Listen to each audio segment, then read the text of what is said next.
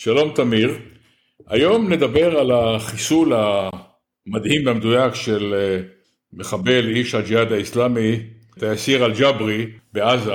מה שראינו בסרטי וידאו מהחיסול זה פצצה שפגעה במדויק, נכנסה דרך חלון לדירה שבה הוא הסתתר עם כמה מחבריו מארגון המחבלים הרצחני. מדובר בדיוק מדהים שלא גרם להרס סביבתי אפילו בקומות מעל ובקומות מתחת. איך דבר כזה מתבצע, תמיר? ובכן, אה, אנחנו ראינו מספר סרטונים. סרטון אחד פורסם ביום התקיפה, סרטון בצבע. נראה שהוא לקוח מאיזושהי פלטפורמה מעופפת, יכול להיות ממל"ט או מצופית, מטוסים שמשייטים במרחק עם אה, מערכות אלקטרואופטיות מאוד מאוד אה, חזקות. ובצילום הזה ראינו ארבע פיצוצים. שני פיצוצים בבת אחת. כחמש-שש שניות אחריהם עוד שני פיצוצים, קומה יותר נמוכה, שכנראה היו יותר עוצמתיים.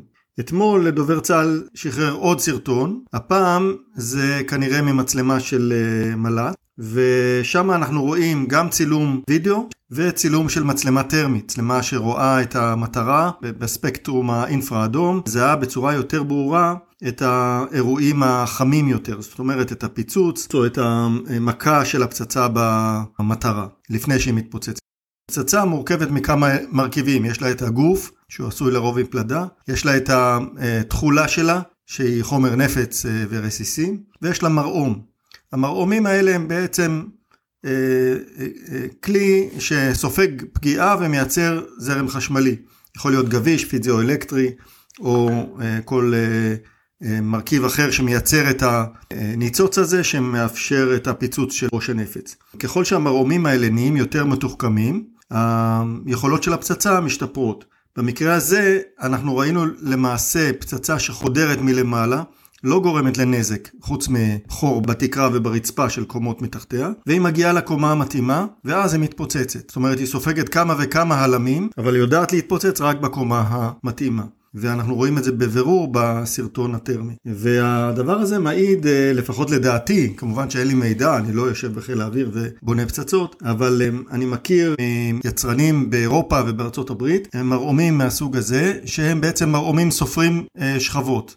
מרעום שמופעל בפגיעה בתקרה או בקומה עליונה, מתחיל לספור את התקרות שהוא עובר, ומתכנתים אותו כמובן להפעיל את הראש הקרבי בקומה היהודה, וראינו כאן פיצוץ בדיוק במקום הנכון, נזק סביבתי מינימלי, נזק במטרה מקסימלי, איכות פגיעה מצוינת. כן, אה, בהחלט אה, נראה שמדובר פה ראשית באיסוף מודיעיני מדויק מאוד, ידעו בדיוק לאן לשגר את הפצצה הזאת.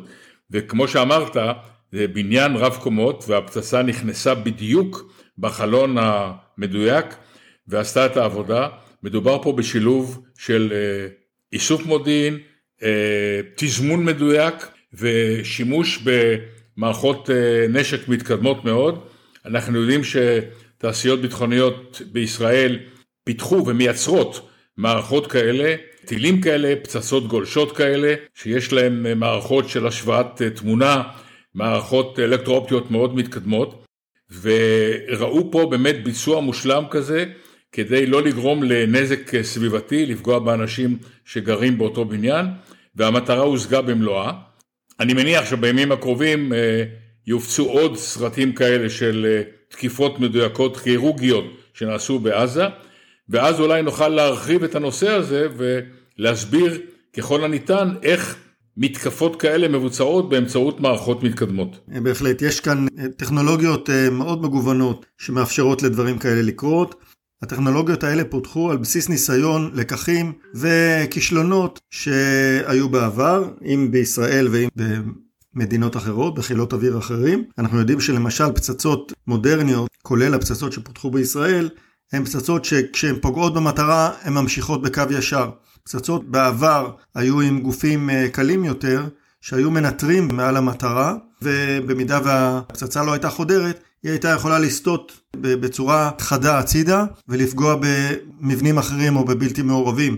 ראינו את הפגיעה של רקטות שסטו ממסלולם, רקטות של אה, הג'יהאד האיסלאמי, וגרמו לנזק ולהרג ניכר אנחנו רואים שהחימושים המודרניים, גם המאולתרים, גם אלה מייצור עצמי וגם תקניים, הם חימושים קטלניים מאוד, שבמידה ופוגעים בסביבה אזרחית צפופה, הם יכולים להיות מאוד מאוד קטלניים ולהסב נזק סביבתי מאוד גבוה, ואני חושב שזאת נקודת זכות גדולה למערכת הביטחון הישראלית ולתעשיות הביטחוניות כאן, שהצליחו להגיע לרמה גבוהה מאוד של הנדסה ודיוק בתכנון, כדי להביא את הפגיעה למטרה ברמה הגבוהה ביותר, עם נזק סביבתי מאוד מאוד נמוך.